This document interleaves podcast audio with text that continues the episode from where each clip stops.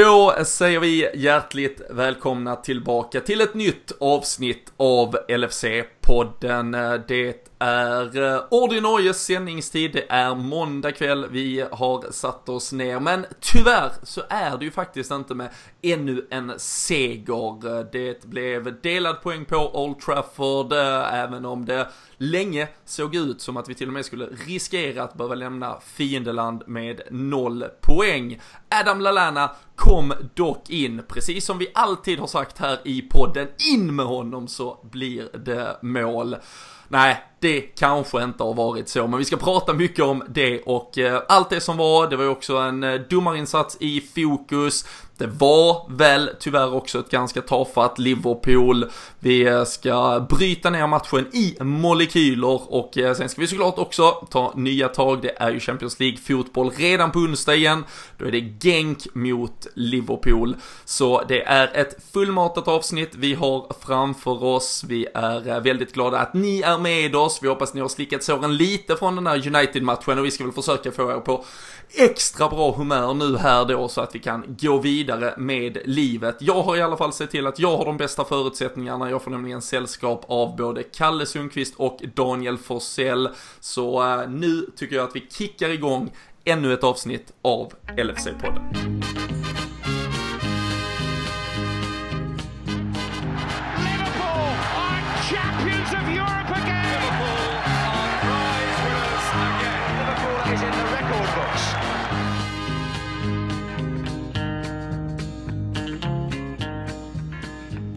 Jajamensan eh, boys, eh, vi eh, fick ta om introt här för jag är ju van vid att prata om att Liverpool har vunnit alltid när vi sitter och pratar så när jag plötsligt skulle hitta några ord kring att förklara en delad poäng som det blev på Old Trafford, då sket det sig Kalle. Men förhoppningsvis ska vi väl aldrig behöva prata om något annat än segrar på ett tag framöver. Nej, det har ju blivit en gammal vana nu. Att man, eh, att man sitter och pratar upp segrar, eller pratar, pratar ner segrar och förhoppningsvis pratar upp nya segrar också. Så att eh, det är lite främmande för oss här på senare tid. Så att eh, jag har full förståelse för ditt lilla snedsteg där. Men eh, vi hoppas att det bara var en litet, ett litet snedsteg och att vi fortsätter på, på vinnarspåret igen framöver. Ja, precis. Om det inte nu är för att det såklart eh, svider i poängprotokollet så kan helt enkelt inte vi hantera det här i podden när vi ska försöka förhålla oss rent, eh, ja, ordligt till det. Och då sitter vi här ändå måndag kväll Danne, du var ju sugen att köra igår söndag kväll. Då jävlar tror jag inte jag hade formulerat en mening rätt antagligen.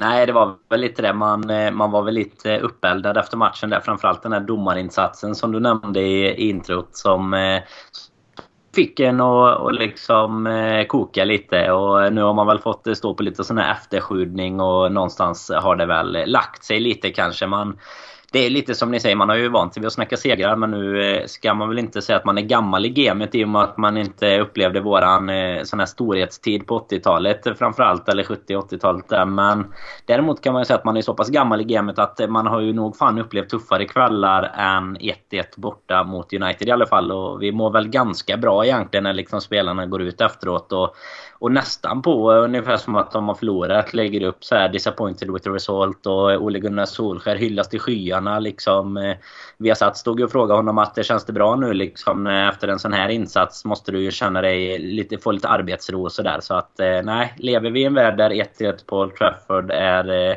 en supermisär då mår vi nog ganska bra ändå. Det måste vi väl säga.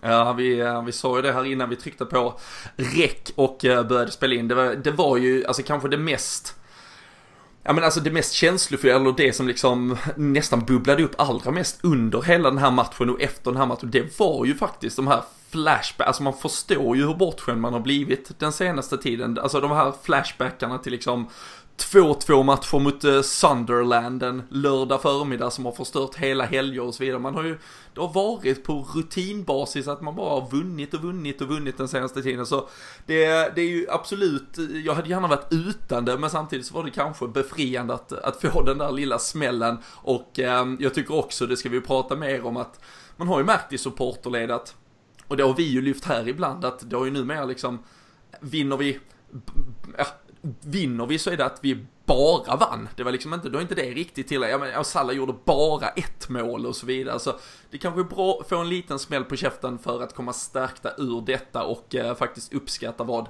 Liverpool håller på med nu för tiden. För det, eh, äh, vi, eh, vi sitter ju i regel här och eh, pratar om hur eh, fantastiska insatserna har varit och hur eh, poängprotokollet också oftast har fyllts på med tre pinnar. Eh, nu blev det ju dock stopp på den där långa fina sviten. Vi hade ju chansen igår att tangera Manchester Citys rekord med 18 raka segrar. Det var ju då sammanflätat med eh, förra säsongen och eh, vi kunde också tangera Chelseas rekord med nio raka säsongsinledande segrar som eh, de hade. Nu fick vi då stanna bussen på 17 stycken, 8 i säsongsinledningen.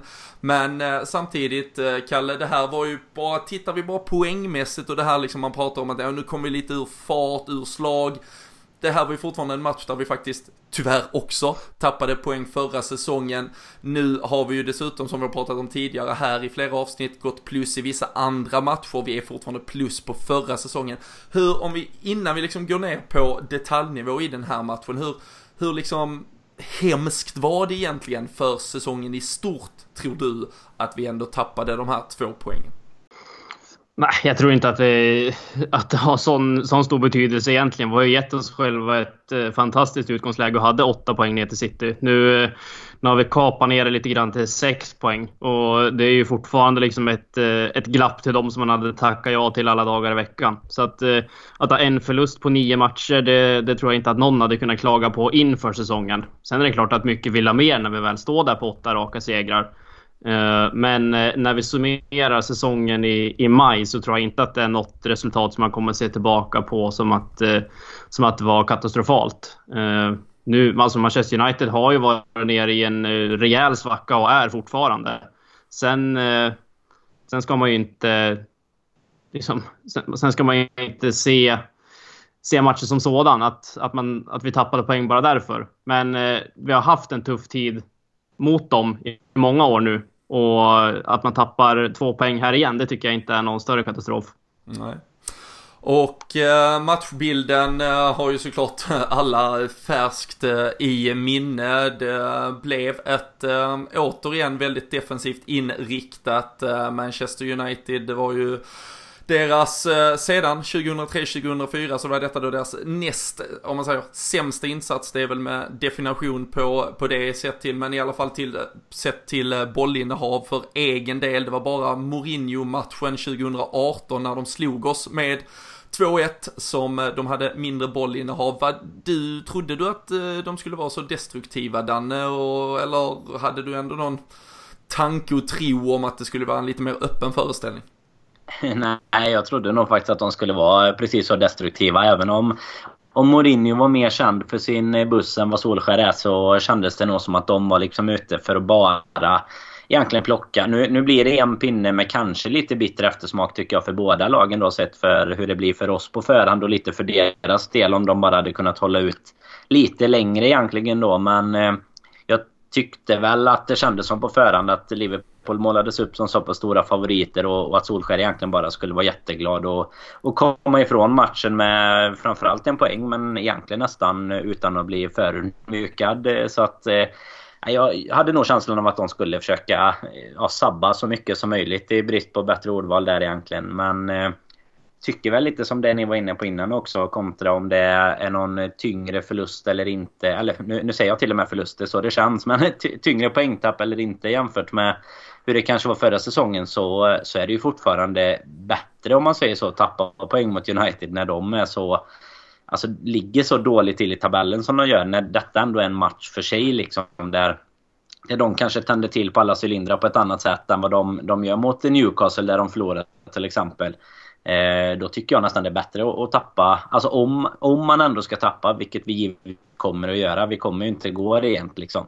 Då är det bättre att tappa mot lag som inte är i direkt konkurrens med oss. Och just nu är det ju Manchester City egentligen som, som är den direkta konkurrenten. Och, och då tappar jag ju väldigt mycket hellre här än mot City. Logiskt sett såklart, men, men kan ändå vara värt att lyfta tycker jag. Eh, sen så eh, tillbaka till din eh, ursprungsfråga där så är det väl egentligen vi tycker jag som ger dem de ger dem medel att faktiskt vara ganska destruktiva mot oss också. Vi eh, fyller inte alls på att pressa så som vi brukar göra. Och det, det är bara Klopp som vet om, om det var taktiskt eller om det är spelarna som, eh, som kanske inte riktigt kommer upp i nivå. Det dröjer väl 80 minuter tycker jag innan man börjar känna igen oss. Jag vet inte vad du känner Robin men det, det kändes ju inte som att, att det här normalt sätt skulle vara eh, ett sånt här kryss om vi bara hade gått ut och spelat vårt spel som vi vet att vi kan göra. Mm. Nej, jag, jag håller verkligen med. Jag var ju, jag var ju en av dem som, eh, alltså på inget sätt liksom menade att det skulle bli lätt. Men jag menade däremot att det fanns förutsättningar för att vi faktiskt skulle asfaltera det här United-laget och, eh, och någonstans ja men vrida om kniven i hjärtat på dem. De låg ju verkligen ner för, eh, för räkning. Vi visste att det var en skadeskjuten eh, trupp. Vi vet att de saknar en spets egentligen och även om de från och till har liksom kunnat vara väldigt kompakta och solida så vet vi också vad Liverpools offensiv kan ställa till med när den är som bäst. Sen har vi ju liksom historiskt, i alla fall nutidshistoriskt varit förhållandevis svaga på Old Trafford i förhållande till vad vi liksom ändå har presterat överallt eh, annanstans egentligen i både England och världen. Men eh, jag, jag trodde absolut att Liverpool skulle ha lärt lite av förra året. Förra året var väl också första gången där Klopp verkligen fick kritik lite för sin matchplan. Det var för eh, defensivt, vi var lite för liksom okej okay med att hålla ett ganska lågt bolltempo. Den gången fick ju United tre skador, det var tre byten i första halvlek. Nu var det då på förhand istället ett delvis skadesjukt ett lag, även om då de Gea kom till start trots allt. Men eh, jag, jag hade förväntat mig mer av Liverpool, jag hade förväntat mig att vi skulle sätta lite fart på det. Samtidigt så, jag tror, alltså att United skulle försöka liksom ha en övervikt i det defensiva, det, det var liksom jag också klar över, det var nog alla. Men att det skulle bli en, i stort sett fembackslinje, att de skulle sjunka sju. De hade ju egentligen copy-pastat det som Sheffield United ställer mot oss för ett par veckor sedan. Och det hade vi svårt att bryta ner, vi pratade om det då, att det mittfältet vi använde den gången inte riktigt kommer till sin rätta i den typen av matcher. Det gör det absolut inte på Old Trafford igår heller. Och det är väl delvis då att, alltså, ja, jag hade kanske inte då förutsett att United skulle vara så här defensiva. Det kan man ju tycka vad man vill om, vad hade Klopps, borde hans jobb vara att ha förutsett det eller inte.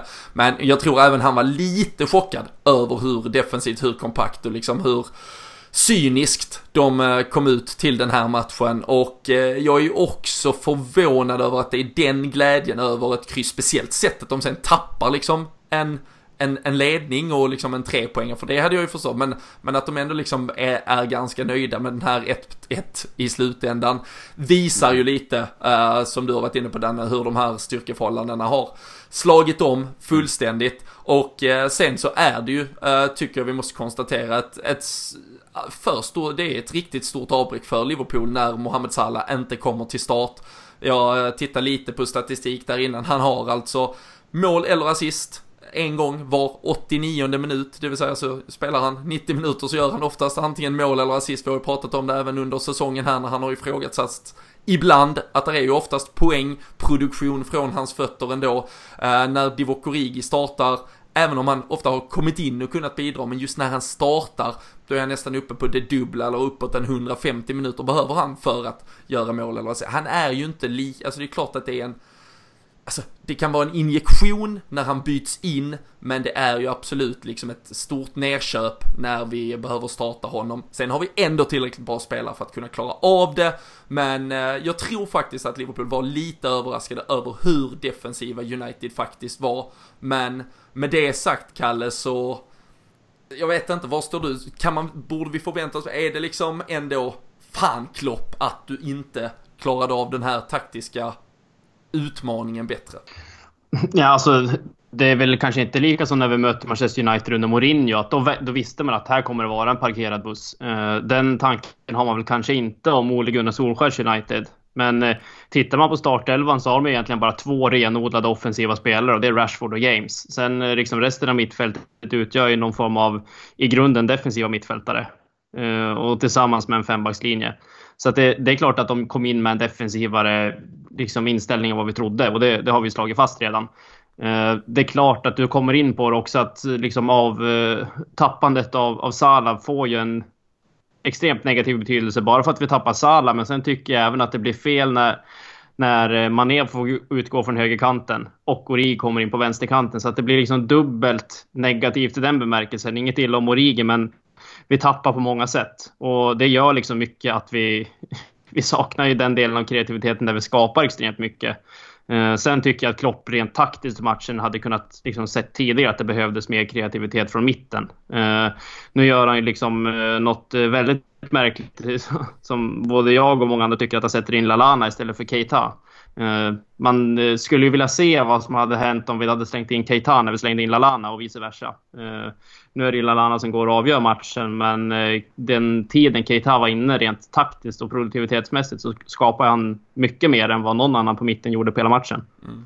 Vi ska väl komma fram till det, vi kommer ju ta matchen såklart lite kronologiskt. Det var ju eh, sannoliken ett par eh, incidenter som stack ut och eh, som sagt även där hur Liverpool hanterade jakten på poängen i slutskedet. Men jag tycker verkligen du är inne på, alltså det som jag också skrek lite efter, även om Divock Origi ofta när han har kommit in i slutskedet om att ha tagit den där vänsterpositionen, vi såg det mot just Sheffield United, nu återkommer vi till det, där han kom in och var väldigt bra i den rollen, men då formar vi egentligen om laget helt och hållet lite mer. Men eh, som du är inne på, hade vi haft Mané i den vänsterfickan så att säga, där eh, Origi låg, så är det ju också mycket mer, alltså Origi har ju två, tre löpdueller mot eh, Lindelöf och eh, även om Origi både är snabb och stark så, så finns det ju en ytterligare edge i Sadio Mané. Så i den där liksom första 20, 25, 30 minuters perioden där United kanske ändå bjöd till lite mer.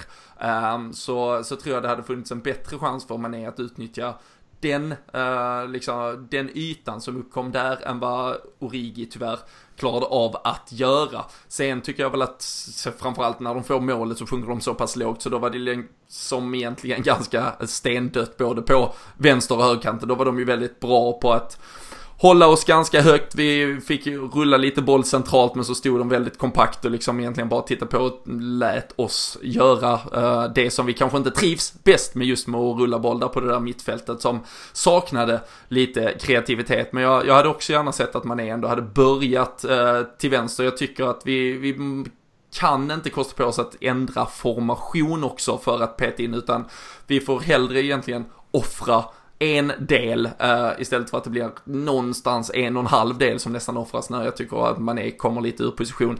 Även om han sen kommer igenom uh, med den här handsituationen så, uh, så tycker jag att han gör sig väldigt, väldigt mycket till vänster och han hjälper också Robertson och deras offensiva spel tillsammans får ju en annan dimension än när Robertson behöver spela med någon annan, det har vi varit inne på för också. Ehm, Den annars när matchen väl kom igång eh, ganska aggressivt, eh, det smällde på ganska bra. Det var väl ändå, delade du känslan med mig att det liksom ändå kändes lite, lite riktigt ganska snabbt. Att man förstod i alla fall att United hade eh, blivit lite sådär matade med taggtråd inför detta. För, för dem blev det ganska snabbt lite finalstämning medan eh, Liverpool kanske då lite bortskämda med tabellposition och övrigt inte riktigt hade match, ja men respekten på samma sätt för matchen.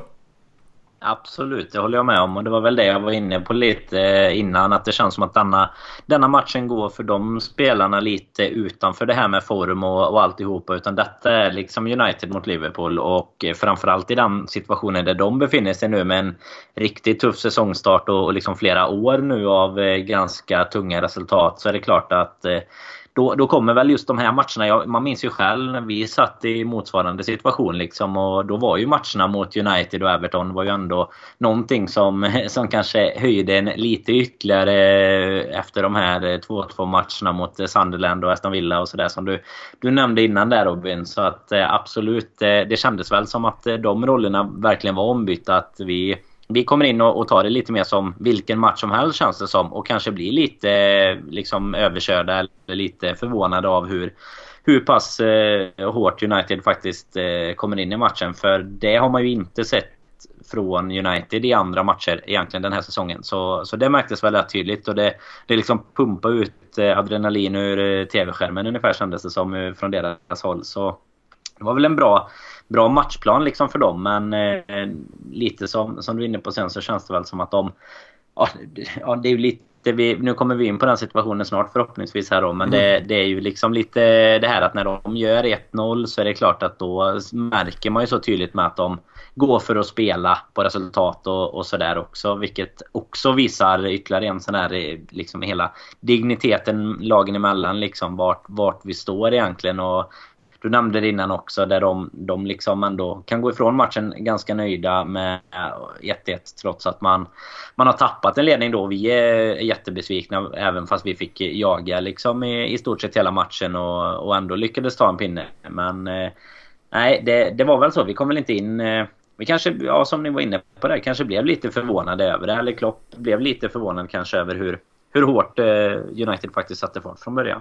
Mm. Nej, och det är ju liksom, det är ju ingen äh, alltså, raketforskning att Liverpool trivs i att, alltså det omställningsspelet som vi tyvärr då bara fick egentligen två, tre gånger inledningsvis på Origi äh, i stort sett varje gång. Det är ju liksom ett, ett spelsätt Liverpool gärna utnyttjar och när vi kan fylla på sen med, med fart utifrån den positionen.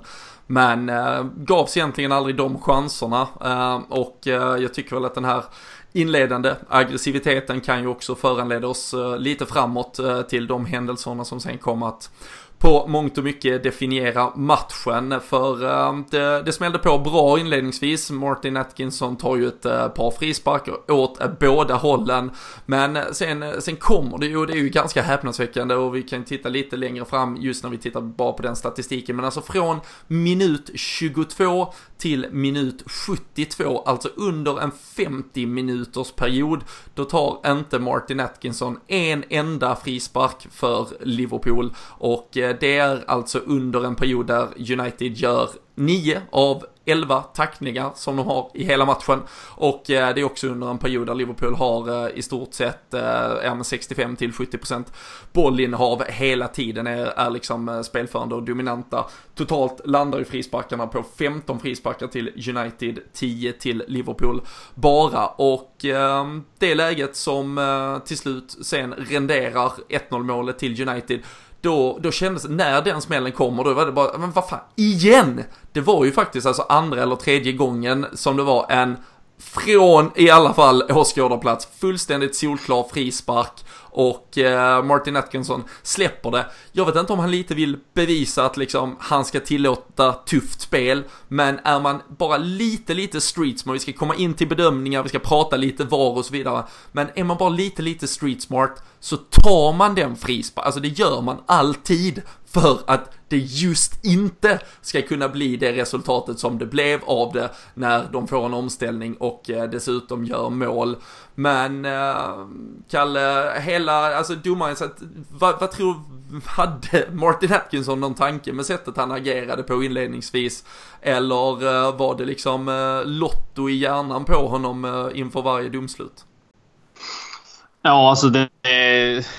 Ja, jag vet inte vad man ska säga. Det känns som att många gånger i såna stormatcher så vill domarna liksom tänja lite på gränserna och hålla upp nivån för att få ett flyt i spelet. Men det känns inte som, om vi bara ska gå kort tillbaka till det där du pratade om tidigare med statistiken, att vi inte fick någon frispark över en viss tid i matchen. Att det var nog inte många av dem där vi fick en fördel dömd heller, utan han eh, struntade nog bara i situationen och lät spelet gå. Nu, nu kan jag inte redogöra för liksom händelserna i detalj, men det var lite känslan. Så att känslan är väl att han kom ganska fel in i det från början egentligen från, från Liverpool-håll. Jag förstår att Solskär var nöjd med, med domarinsatsen som lät spelet flyta och så vidare när, när, inte de, när de fick fördel av det så att säga. Men eh, att han eh, släpper så många situationer och den med Origi i detalj, det är ju, den är väl den som slår en mest egentligen. Eh, med tanke på konsekvenserna. Och precis som du säger, är man lite smart där för att undvika alla diskussioner som VAR nu skapar och, och så vidare. Så då, då, tar man ju den för att det är en uppenbar frispark. Sen eh, kommer vi säkert in på vad som exakt är clear and obvious foul och allt vad det heter i, i VAR-termer. Men eh, det är klart att han ska ta den frisparken. Ja, och framförallt det... Den, jag säger du Robin, båda kokar nu, jag känner det. Ja men precis, men det är ju allt och det är också så här liksom, det är så jävla, alltså det är också för att det är den här matchen så vill han göra, men han vill ändå ta ett par, alltså även i situationer som är så, alltså banala som det är, det är liksom en, en frispark i, alltså en mottagning mot, alltså på, på mittplan i stort sett, eller bara en bit in på offensiv planhalva. Alltså den här, alltså du kan vara en rutinerad anfallare i division 4, när du får en smäll upp i ryggen, du får frispark, för så funkar typ fot, alltså det, jag tycker också, för det finns liksom en regelbok, och det, dels, liksom det kan vi bara konstatera, där gör han ju fel, bara av den anledningen. Men i stort sett de här frisparkarna, det är sådana man vet, alltså det är sådana man även kan koka på sina, alltså spelare i sitt eget lag till exempel på, ja men inkast eller en inspark, alltså gå upp i ryggen, det blir bara frispark, alltså det är så det är liksom så flödet fungerar i så fall.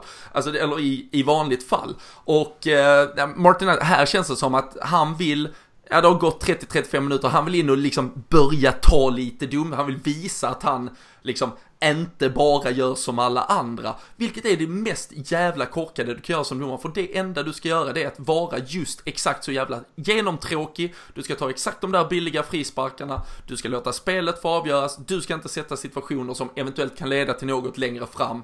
Um, så jag tycker liksom inte heller vi, alltså det finns egentligen inget med VAR att göra i det här. Det är bara så jävla ruttet uselt. Han vill liksom markera att nej, jag såg nog banne mig något som inte ni såg. Alltså till och med ju ingen är ju med, alltså United spelar ju inte riktigt med heller. Det är ju James som får bollen och sätter fart. Och så är det han och Rashford i stort sett. Och Liverpool-spelarna är ju lika chockade, United-spelarna är ju faktiskt också chockade. Och ingen tror ju egentligen att ja, det här måste väl ha blivit fel, tänker ju alla i stort sett. Och det är ju det som blir lite, alltså för förödande. Man kan ju tycka att det är klart man alltid ska spela tills domaren blåser, bla bla bla bla bla. Men eftersom det finns en så tydlig gång i hur en domare faktiskt ska agera så blir det fel. Alltså på den här nivån så handlar det om millisekunder i koncentrationsbrist, i att du inte tar hem jobbet på första, alltså när första löpningen kommer och så vidare. Och då har United i de två spelarna som sticker en så stor fördel så att det räcker för att göra mål. Man kan ju tycka att det är banalt att man ska klaga över en frispark på offensiv planhalva och det, det var det som ledde till ett mål. Men det är det som skapar hela chansen.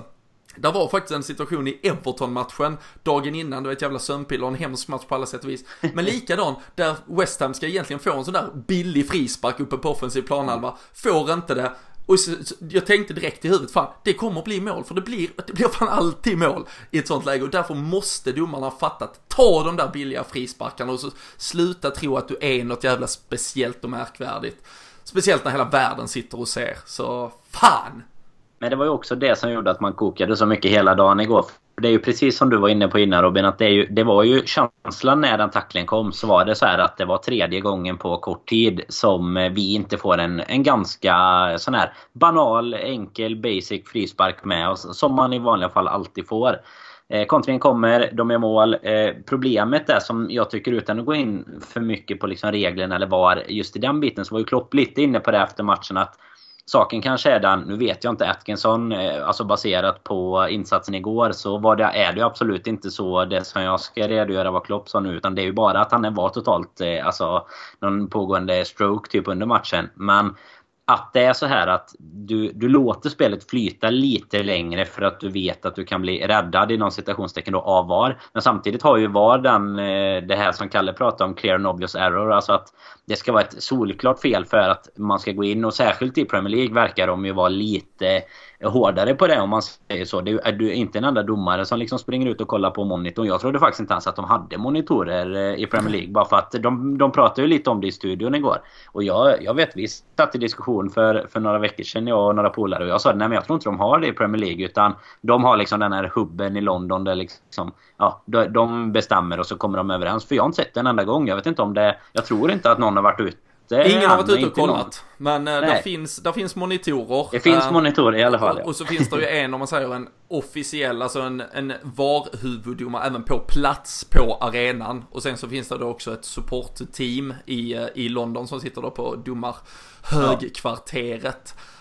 Um, och uh, utan att liksom vi på något sätt är VAR-experter, det man kan reda ut här i, i detta här är ju såklart då det som påstods där i alla fall från Klopps sida, det var ju att då, då sa ju, det var framförallt fjärdedomaren som hade sagt till Klopp att ja, men han ska låta spelet fortgå och sen skulle det vara något problem då löser liksom typ VAR det. Problemet i Premier League den är ju att VAR väldigt tydligt har sagt duellspel Även om, det ska då, för att mm. de ens ska få gå in och ta det, då är det ju, alltså det är alltså utvisningar, det är offside och det är uh, mål. Och då ska det vara alltså ett clear and obvious foul eller liksom ett, ett felbeslut som de ska gå in och så att säga overrula och då ska det vara egentligen då samstämmighet från det här varummet som ska bara säga och allt duellspel egentligen är ju öppet för en tolkningsfråga. Alltså om det är tio domar så, ja nio av tio, eller då en av tio kanske inte tycker. Och då är det liksom, ja men om, om han ändå har gjort bedömningen, för det kanske var, och det är ju en sak om det var den typen av spel han hade tillåtit hela matchen. Nu var det ju bara tre gånger Liverpool-spelarna hade varit,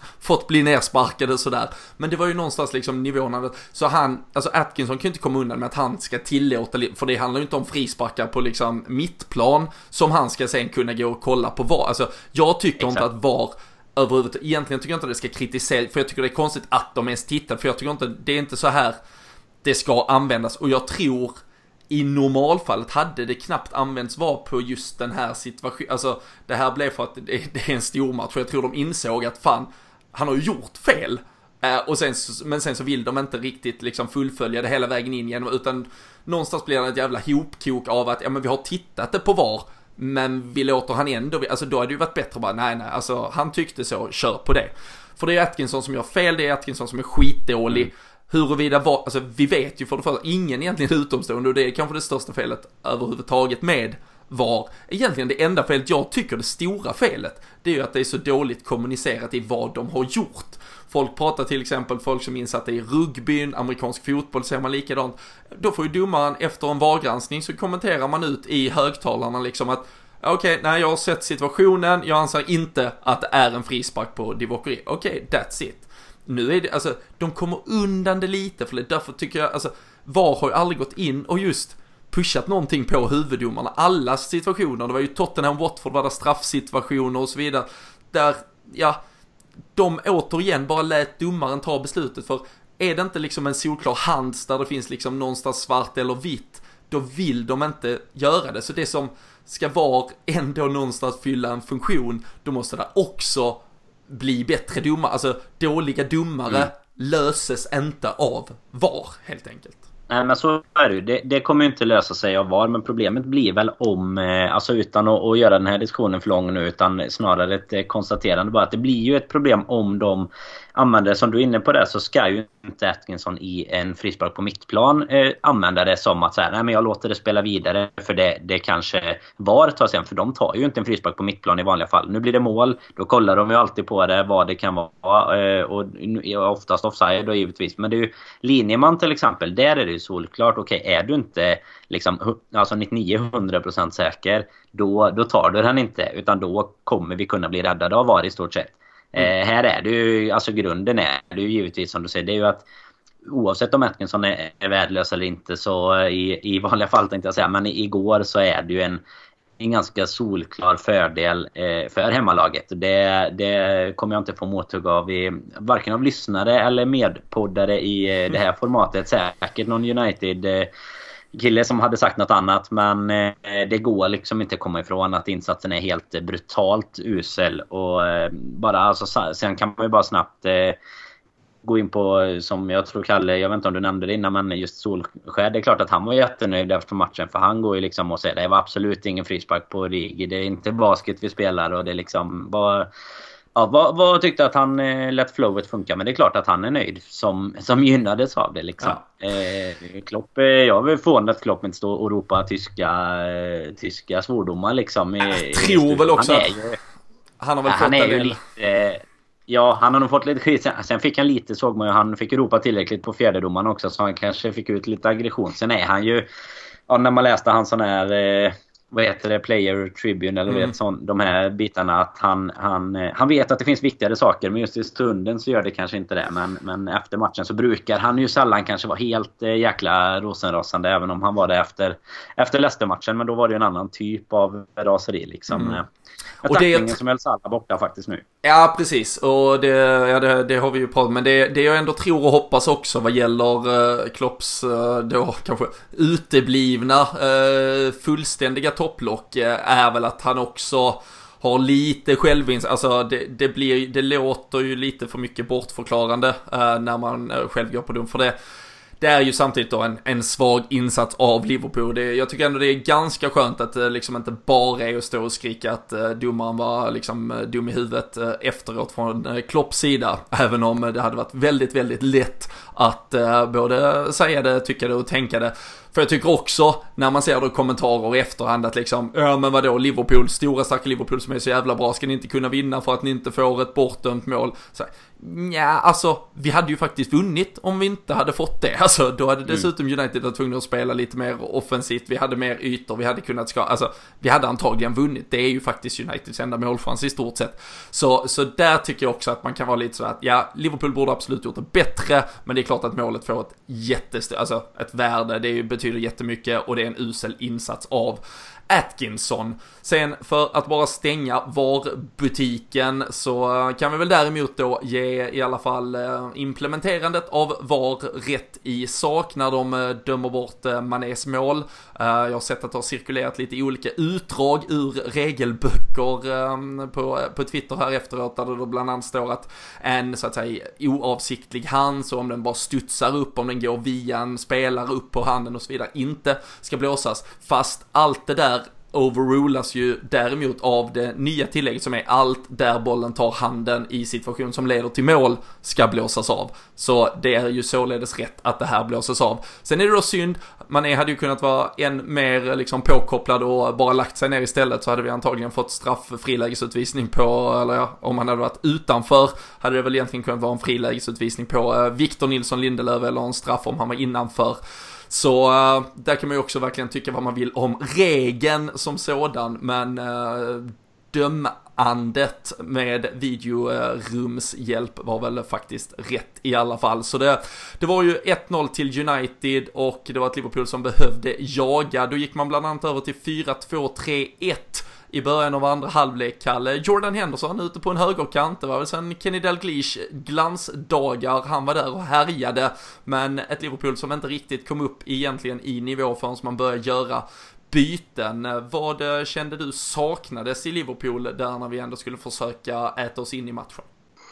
Nej, men lite det vi var inne på tidigare. Mer mer kreativa fötter på mitten. Eh, det är ganska uppenbart många gånger i matchen att eh, det, att det saknas kreativitet. Och det är liksom någonting som som jag ska inte säga att det har varit en genomgående problematik, för jag tycker inte, absolut inte att man ska liksom rikta någon kritik mot, målet, eh, mot vårt mittfält. För annars hade vi inte gått och vunnit eh, Champions League och varit toppen i Premier League. Men är det någonting som saknas där i så är det lite kreativitet i vissa tillfällen. Och det är ju den här typen av matcher där, liksom, där det tas uttryck i sin renaste form egentligen. Att man möter ett United som som har fått 1-0 och de, eh, de liksom bjuder ju inte upp till någon form av fotboll överhuvudtaget utan de vill ju liksom gnida hem det resultatet. Och det är ju där man märker allra tydligast och det är en problematik som man har sett i Liverpool ganska, ganska lång tid, även före Klopp också. Att vi har haft problem att lösa de problemen. Så att eh, kreativitet i, i, form av eh, typ Keita, Chamberlain, den typen av spelare som, eh, som kan förändra en matchbild.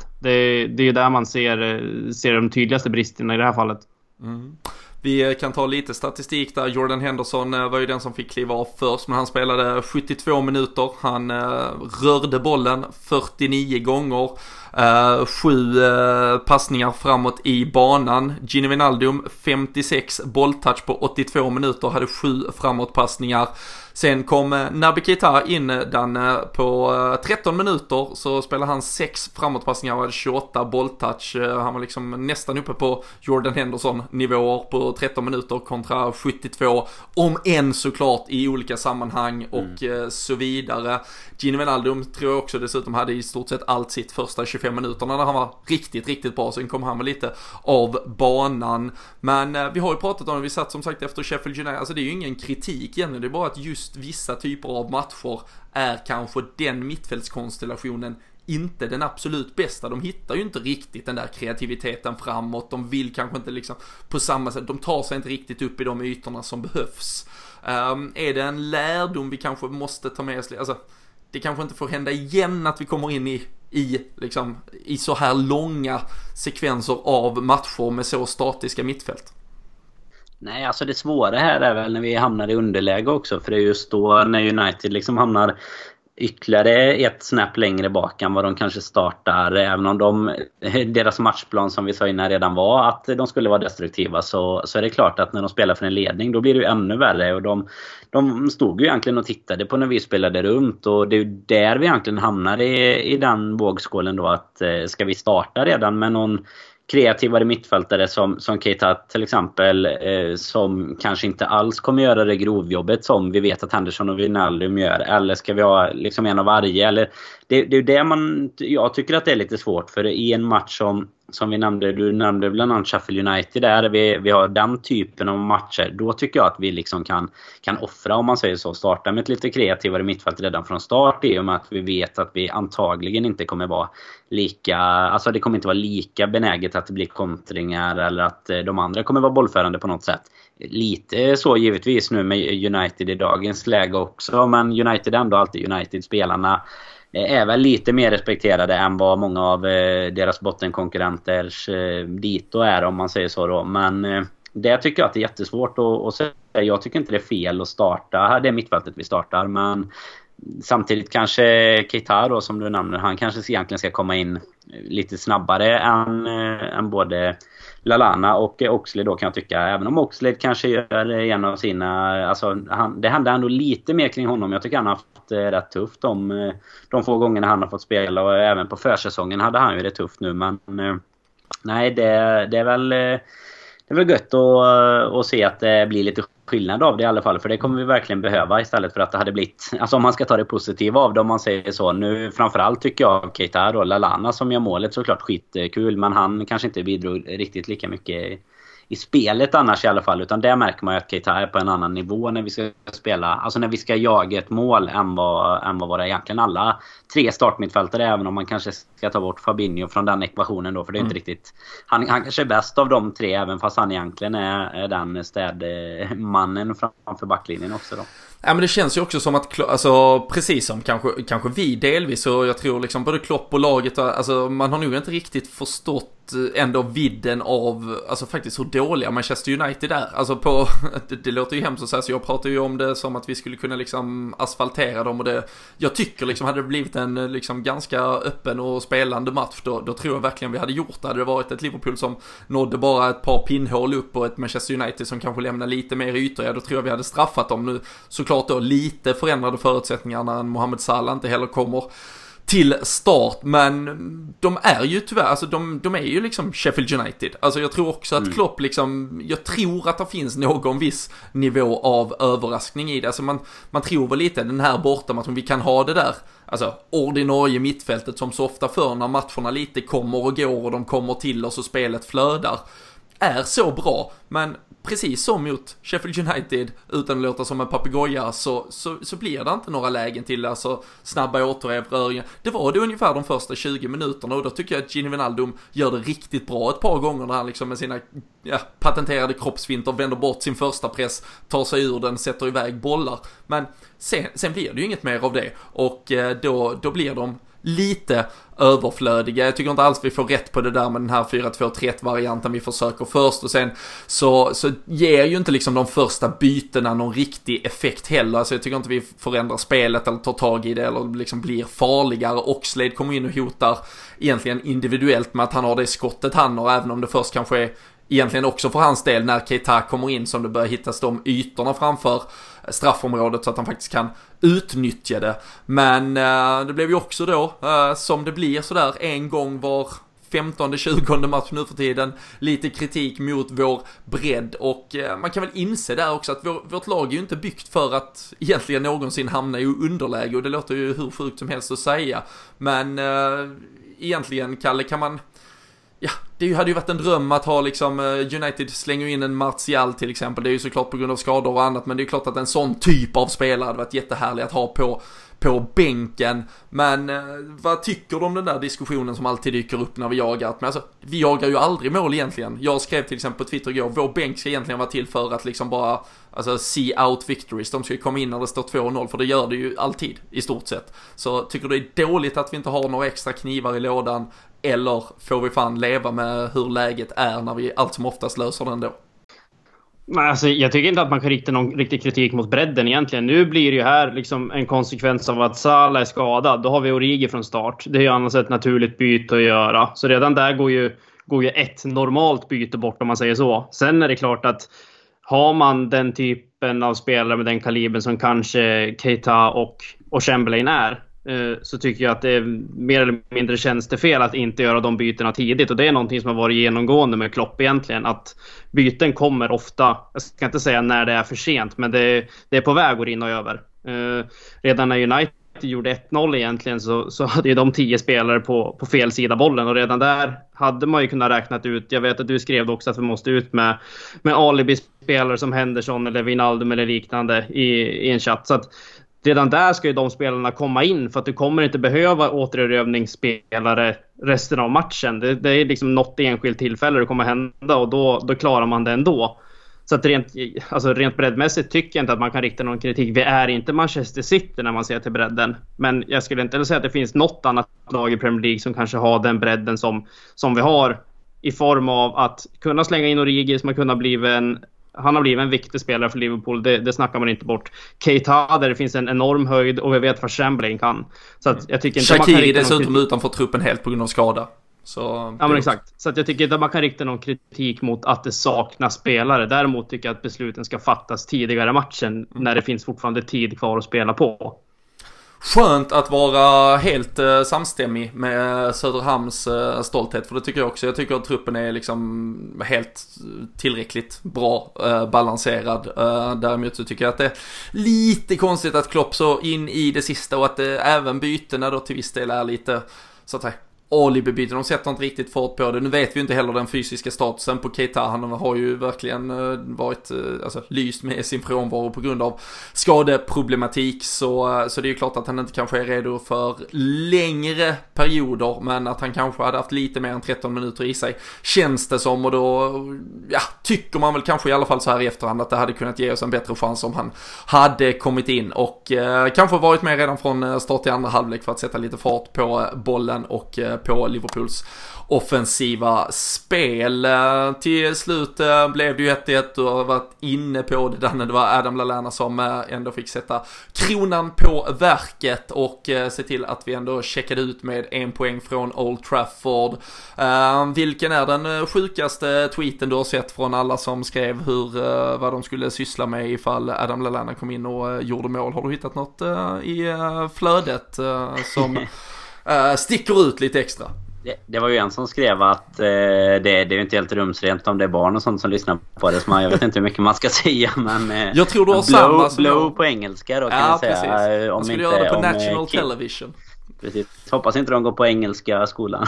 Nej. precis. Eh, on, on, blow on National Television. Så han fick väl... Eh, han la upp någon GIF sen med någon som står så här och smeta läpparna med någon läppstift eller något. Så han var nog redo tror jag. Han var, han var glad han som eh, hade lagt upp den då. Han, det fanns ingen eh, ångest eller ånger i det i alla fall. Utan sagt är sagt och eh, gjort är gjort får vi väl se i och för sig. Men nej, det är väl underbart för Lalana. Den, inte evigt så belackad har det väl inte varit. Men de senaste två, tre åren i alla fall. Och med all rätt såklart. Ja. har, det ju, har det varit det. Detta tar ju egentligen inte ifrån det någonting men eh, det första jag tänkte nästan när jag gjorde mål det var att eh, fy fan, tänk om man hade missat vad då hade det exploderat på riktigt liksom på, på Twitter och, och allt möjligt liksom. Alltså det finns det... ju inte jättemycket att vinna på att peta in den som sagt i öppet mål. Men eh, du är ju inne på det. Hade han däremot missat då, då, hade, då hade han ju fått stanna i Manchester. Alltså det hade ju varit kliva.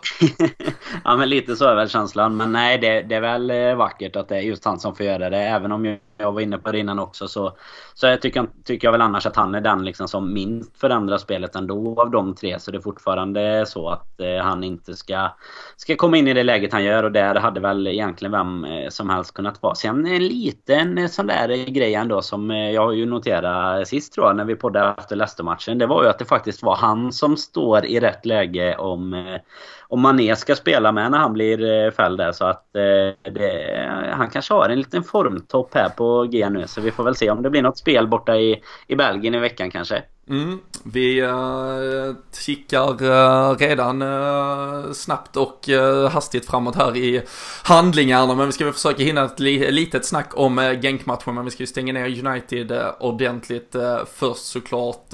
men nej, kul att Adam Lallana fick ändå sätta ett mål till sitt namn. Eh, så någon som uh, red ut snabbt där på, på Twitter. Vi har väl haft någon som har kört på länge, lyssnat på podden som ändå har försökt hålla fanan högt för Adam Lallana. Det är ju en, eh, en sån dag som igår man då får passa på och eh, ja, räta upp på ryggen lite och vara var lite stolt i alla fall. Men jag tycker precis som du att det kanske inte förändrar allt för mycket eh, sett till vad han egentligen då inte har åstadkommit egentligen på tre säsonger. Det är väl 16-17 senast han faktiskt bidrog med någonting. Jag såg statistik på att han har faktiskt missat 54 matcher på grund av skada bara och egentligen aldrig över längre period sedan egentligen då tre år tillbaka varit tillgänglig och liksom valbar och eh, är du liksom inte uttagningsbar eh, förutom sporadiskt hit och dit då, då blir det ju inte uh, mycket mer än så här. Det finns inte mycket att bygga på. Så att någon liksom liknade vid att, ja men vadå, James Milner kom när han var 30 och se var han blev av. Ja men om vi ska börja jämföra fysisk status på James Milner och Adam Lallana då kan vi ju liksom slänga in mig och Kalle i den mixen också. Så det,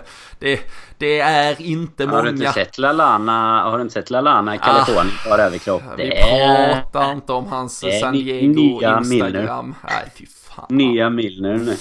Nej, vi börjar inte prata om det nu när han är, eh, nu är han på topp här. Nu, nu är vi glada för hans skull. Ska vi inte svarta ner allt för mycket. Men nej, riktigt kul att han eh, kom in, riktigt kul att han fick göra det målet såklart. Vi är glada och tacksamma, det ska vi inte ta ifrån honom. Men jag eh, håller väl med det, jag verkar ändå tycka är kanske det övergripna att det var ju Oxlade och Keita som stod för de bästa insatserna. Keita tyckte jag stack ut, tyckte det var kul att se direkt han kom in, alltså fast att det var liksom så här Först störde det mig lite för liksom det var ändå 83 minuten när han kom in eller något sånt och det liksom var verkligen dags att sätta fart på grejerna. Men han vill gärna ner till Fabinho och även ner till mittbackarna i stort sett. Hämta boll, känna på boll. Han vill liksom komma in i matchen.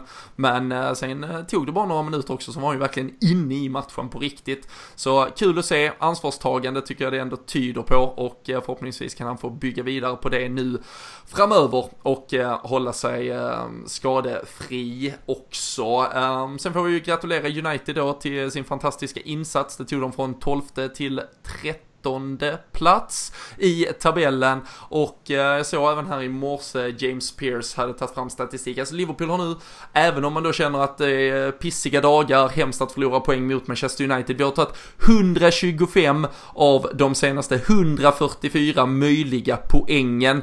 Det betyder att vi tar 87% av alla poäng som serveras oss. Det betyder att vi kommer, om vi bara håller uppe liksom ett, det är ju ett snitt som alltså löper över, det här är på 48 matcher han har vägt samman, så det är verkligen ett eh, bra sample size. Då kommer vi i så fall takta mot en 101 poängs säsong denna säsongen. Vi har redan pratat om att det här var ju faktiskt samma resultat vi hade förra säsongen. Vi har redan förbättrat oss i tidigare matcher. Så vi kan väl konstatera så här, det är inte fara på färde än, Kalle, i alla fall, utan det är fan happy days att vara Liverpool-supporter. Ja, det tycker jag man kan slå fast. Eh, även precis som du säger att eh, det är klart att det svider att tappa poäng mot United, framförallt nu när de är så dåliga som de är. Eh, det är väl det som gör att det, svider mest, samt liksom, eh, media hade målat upp det här som någon form av promenadseger för Liverpool på förhand. Och liksom bara... Eh, liksom, det kändes nästan som att det var dukat bord för att de sen skulle kunna göra några rubriker om det inte gick vägen för Liverpool. Men eh, sitta med den, den poängskörden vi har nu och den liksom, ledningen vi har i ligan. Det, det tycker jag inte att man kan gnälla på. Så att jag får väl citera Jocke Lundberg att det är lika bra att vara glad det kanske inte var något citat, men det är hans, eh, hans eh, mantra här i, i Liverpool-livet nu. Det är väl fan inte hans livsmotto tänkte jag säga i alla fall. Då, det, det, finns, det, finns, ju ingen som försöker såga folk så mycket som att de gnäller som Jocke Lundberg nu när han är på toppen av sitt liv. Han får, han får gneta vidare i livet och se Liverpool över hela världen. Så att det, det är positiva dagar för Jocke och alla andra. Framförallt ja. mig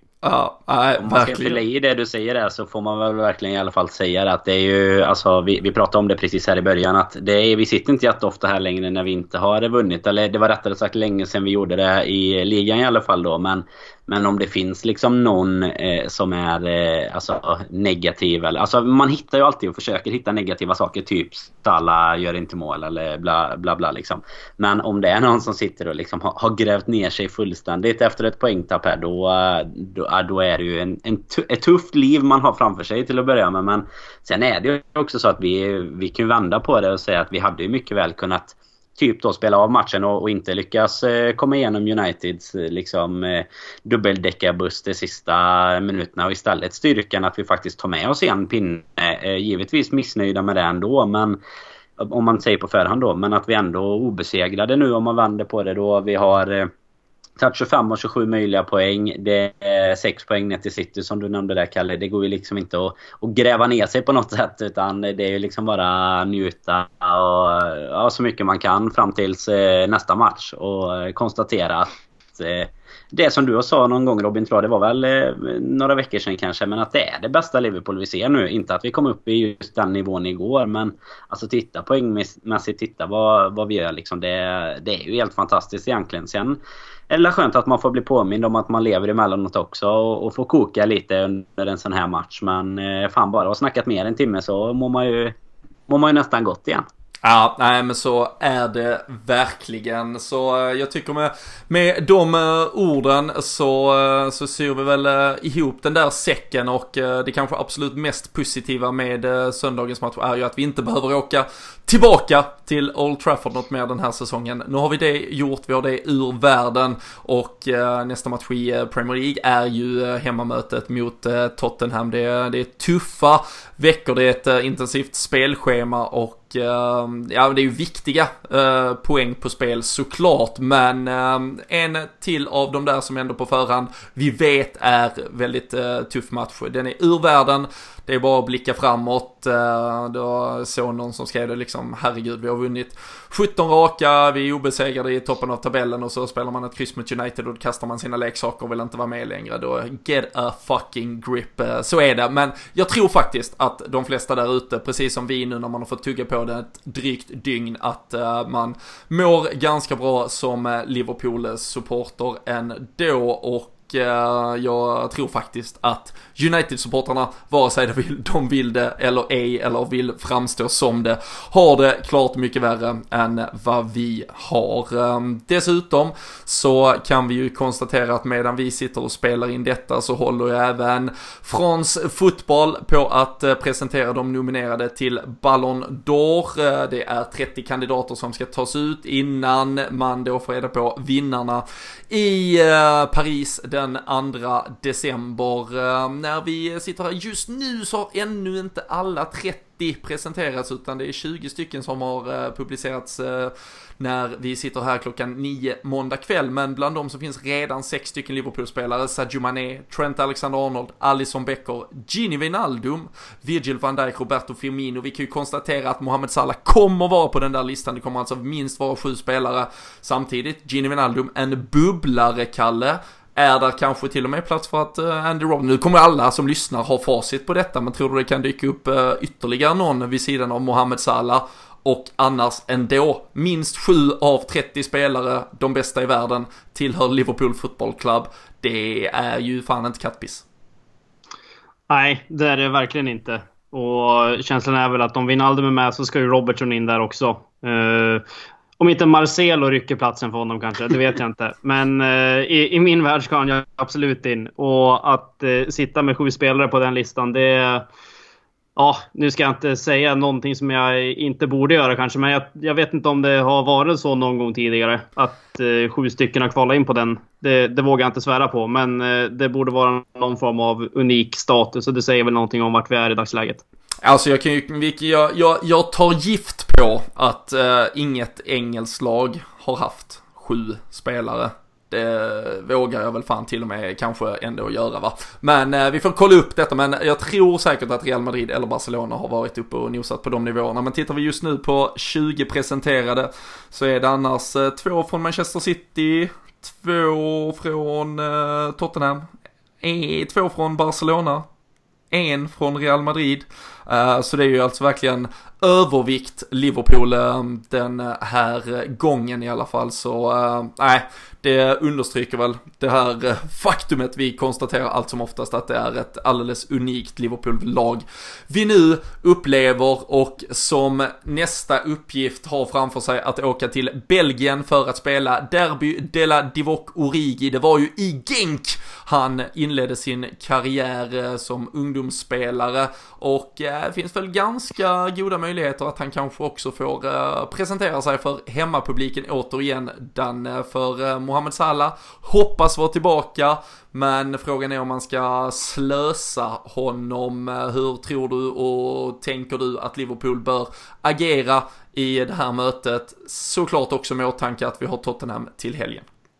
Nej, men jag hoppas väl att vi gör som du nämner där. Vi, vi låter Origi ta startplats igen egentligen. Alltså är Salah inte... Alltså då ska han verkligen vara 110% fit om han ska in här. För vi ska inte riskera någonting. Tottenham-matchen är väldigt mycket viktigare och ett, en mycket tuffare uppgift. Vi ska kunna vinna över Jänk även om vi om vi inte har helt eh, ordinarie fronttrio eller egentligen ordinarie 11 som det ju numera känns som det nästan är eh, när, när Klopp eh, ställer upp eh, laget faktiskt. Så, så jag tror väl att vi kanske roterar lite och, och hoppas eh, även att vi gör det. För, för det är viktigt att, att slå Spurs även om de i likhet med United eh, är på lite dekis just nu den här säsongen. Det kommer ju ett nytt avsnitt i veckan gällande det men Nej, Genk ska vi väl eh, kunna slå ändå. Det tror jag ni håller med mig om va? Mm. Det är ju ett eh, lag som eh, har spelat eh, 14 matcher i Champions League. De har aldrig vunnit. de inledde ju med att få storstryk mot Salzburg den här säsongen. där vet ju vi, det fick vi ju lära oss på nästan värsta möjliga sätt, att det är ju ett lag som bjuder på målkalas. Genk förlorade med 6-2 borta. Vi slog som bekant österrikarna med 4-3.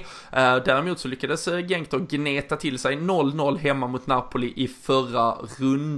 Eh, vi har varit inne på en hel del mittfältare som kom in och gjorde skillnad mot Manchester United. Tror du att eh, någon av dem också kan få chansen att kanske då ytterligare stärka sina aktier genom ett gästspel i eh, Belgien på onsdag, Kalle? Ja, men det tror jag. Eh, nu vet man ju inte. Vi pratade lite grann tidigare här om, om Keita var redo för mer spel. Det vet vi ju inte. Men eh, uppenbarligen eh, hoppar man in på, i en match mot, på, mot United Paul Trafford så är man, ju, då är man ju redo för att spela. Och nu får han några dagar till i C-kroppen. Så att eh, jag tycker det skulle vara kul att se, se Keita från start. Chamberlain har kommit in och spelat några matcher liksom eh, under hösten då och då. Men eh, det är väl Keita man vill ha in i det där laget. Sen eh, Sen vem som får flytta på sig, det vet jag inte. Man skulle rent av kunna se ett mittfält med Fabinho, Milner och Keita för att, eh, för att vila både Henderson och, mm. och Wijnaldum. Eh, så att det, eh, det är någonting jag skulle kunna tänka mig. Sen tvivlar jag på att, att Salah är redo. Klopp sa att han var tveksam till onsdag och då tycker jag det är dumt, och, dumt att chansa. Så att då är det bättre att hålla, hålla honom hel till Tottenham-matchen. Ja men verkligen, framförallt med tanke på att det är en borta. Alltså om jag tycker väl att han till och med ska kunna stanna hemma så att säga. Jag, jag tycker inte heller att vi behöver åka till Genk för att eh, vinna med 5-0 och visa att oh det är klang och jubel, Liverpool är tillbaka. Åk dit, eh, gneta till och liksom, alltså verkligen åk dit och gör jobbet matchen. Alltså det är bara så här, dit, vinn, 2-0, hem, klart. Sen har vi Genk igen i nästa på Anfield. Då kan vi blåsa dem av banan och krossa dem fullständigt. Men det är ju såklart, vi ska ju inte, alltså vi ska ju verkligen ta seriöst på uppgiften men vi måste också se det liksom i ett lite större sammanhang just nu. Vad Tottenham än är så, så tycker jag att de ändå har en klart mycket liksom Alltså där, där, finns ändå en större utbredd potential än vad jag tycker det finns i ett Manchester United-lag. Nu spelar vi visserligen hemma till helgen mot Tottenham, men eh, där, där kommer det krävas eh, full eh, koncentration, full närvaro. Vårt absolut bästa lag. Så, så förbättrade chanserna för Mohamed Salah att vara klar genom att få vila nu så, så är det liksom en no-brainer och det är självklart att han ska göra, göra det. Och eh, sen tycker jag att du är inne på ett jävligt bra mittfält där. Jag ser, alltså jag kan ju nästan tänka mig i alla fall att James Miller kommer få komma in. Han brukar ju göra det för att avlasta när det är de här veckomatcherna. Och eh, gärna Naby Keita och eh, kan ju annars eh, spela en halvlek var, eh, han och eh, Oxlade kanske för att få, få se dem eh, komma med lite mer eh, fart och eh, liksom liksom ja, vävas in lite mer i den här truppen. Adam Lallana kan få ett inhopp framåt slutet ifall vi behöver jaga ett kvitteringsmål i 85. Men eh, jag tycker väl inte det är han man ska försöka bygga någonting kring eller liksom börja uppa honom som ett alternativ. Och eh, sen så var ju Matip också tillbaka efter skada här mot United så det skulle väl också kunna vara aktuellt med ett eh, byte där på mittbacken. Vi hade ju sett både Joe Gomez och Dejan Lovren vara vikarier i hans frånvaro inför eh, landslagsuppehållet. Så det är väl möjligt att någon av dem också går in där. Men eh, några förändringar lär vi säkert se. Eh, och eh, sen som sagt som Danne nämnde så är vi ju såklart tillbaka efter den matchen och laddar upp för fullt inför Tottenham. Vi håller lite på det men någon form av specialare eh, för att däremot inte göra någon besviken så är det inte Erik Niva. Han har nog fan gett upp och diskutera Liverpool och Tottenham efter den där Champions League-fadäsen. Eh, däremot så såg jag nu att han kommer dra igång en egen podcast. Det kan man ju redan nu börja liksom tagga till. Det vet man ju att det kommer bli så jävla bra som allt annat han rör vid. Men Danne... Efter succéerna, succéerna i ja, inhoppen i LFC-podden så ja, får så... han liksom blodad tand och bara nej fan nu, uh, ja, nu kör vi. Han har blivit uh, headhuntad, scoutad och alltså, de har ju sett hans framfart här. Alltså, poängplockare i det bästa poddlaget som finns liksom. Så det är ju... Inte konstigt att han går rakt in som nyckelspelare i en annan podd någon annanstans. Han ska ju gräva ner sig i framgångsrika och kanske då ja, historiedefinierade säsonger för klubblag lär ju dyka upp ett och annat av eh, Liverpools eh, historiskt starka årtal i den följetongen vad det lider, så det får vi väl också hålla utkik kring. Men när man har oraklet här så känns det ju dumt att inte stjäla godis från små barn. Hur eh, tror du att det går mot eh, Genk på onsdag? Eh, nej men jag, eh, jag hörde dig eh, säga till 2-0 innan. Det tycker jag låter ganska bra. 1 eller 2-0 tror jag max. Jag tror inte att det kommer vara någon... I likhet med United-matchen som, som kanske många tror att det kommer vara en sån här sprudlande att man bara kör dem av banan. Det tror jag inte för det är ju deras kanske största match, eh, eller matcher då givetvis i Champions League, men på hela säsongen. Så de kommer vara up for it Genk, men eh, våran kvalitet kommer ändå avgöra. Så, så för att inte ta ditt då så säger jag 1-0 så, så kan vi gissa vad, vad du fyller på med. Mm, nej, Eller 0-1 då givetvis eh, för den som, eh, som inte var med på det. Jajamän. Uh, och nej men 2-0 uh, säger jag då och uh, Kalle, vill du ta rygg på oss eller har du något annat att bjuda på? Jag tycker vi steppar upp det lite till så att jag säger väl 3-0 då. Oj, oj, oj. Det... Kan lägga, eller 0-3 också då för Dannes eh, skull. Aka, hans akademiska intresse där för att jag det ska tänker... vara på åt rätt håll med siffrorna. Man tänker lite på våra vänner som ska vara med i våran tipstävling. Så gäller det ju att de inte bara rakt går in och ryggar Kalle och skriver 3-0 här nu och så tänker att man ska ta hem någon, eh, något grymt från Sam Dodds och så, och så ja, vinner vi med 3-0 och så sitter man där och har man... Eh, ja, det är rätt. Vad, vad, säger man? Skitit i det blå skåpet eller vad man säger. Ja, och så, har man gjort absolut. Skitit i Genks blåa tröjor helt enkelt. Nej, eh, så är det. Rätt ska vara rätt. 01, 02, 03. Ni hör, det är eh, spridda skurar, men som vanligt är det antagligen någon av er där hemma som vet bäst. Eh, I helgen var det Robin Karlsson som hade 1-1. Han var närmast på minuten dessutom. Så fick vi ju en inblick lite i några av lyssnarnas hem där inför matchen. Vi slängde ut en liten specialare där man kunde, ja, helt enkelt skåla i en bärs inför matchen och var med och tävla om ett nytt ölglas eh, från eh, Sam Dodd, så det blev två glada vinnare. Lukas Glad mycket passande efternamn eh, för ett eh, sånt pris som också eh, kammar hem en, även ett litet ölkit från SamDots. Så stort grattis till er som vann i helgen. Det är såklart ny tävling på onsdag. Det är bara att hålla utkik och vara med. Vi är ju superglada att SamDots alltid backar upp så att ni där hemma kan lägga beslag på lite schyssta grejer. Dessutom så har vi såklart LFC.nu med oss. Det är ju där ni hittar den svenska supporterklubben dag ut dag in eh, och eh, när det är sånt här intensivt matchande som det är nu så är det ju klockrent att ha det där som startsida så man aldrig missar någonting. Och är man inte redan medlem, då är det ju såklart hög tid att bli det också bland annat bra rabatt just på Sam Dodds. Så bara av den saken så brukar man kunna gå plus minus noll ganska snabbt ifall man ska klicka hem något schysst därifrån shoppen.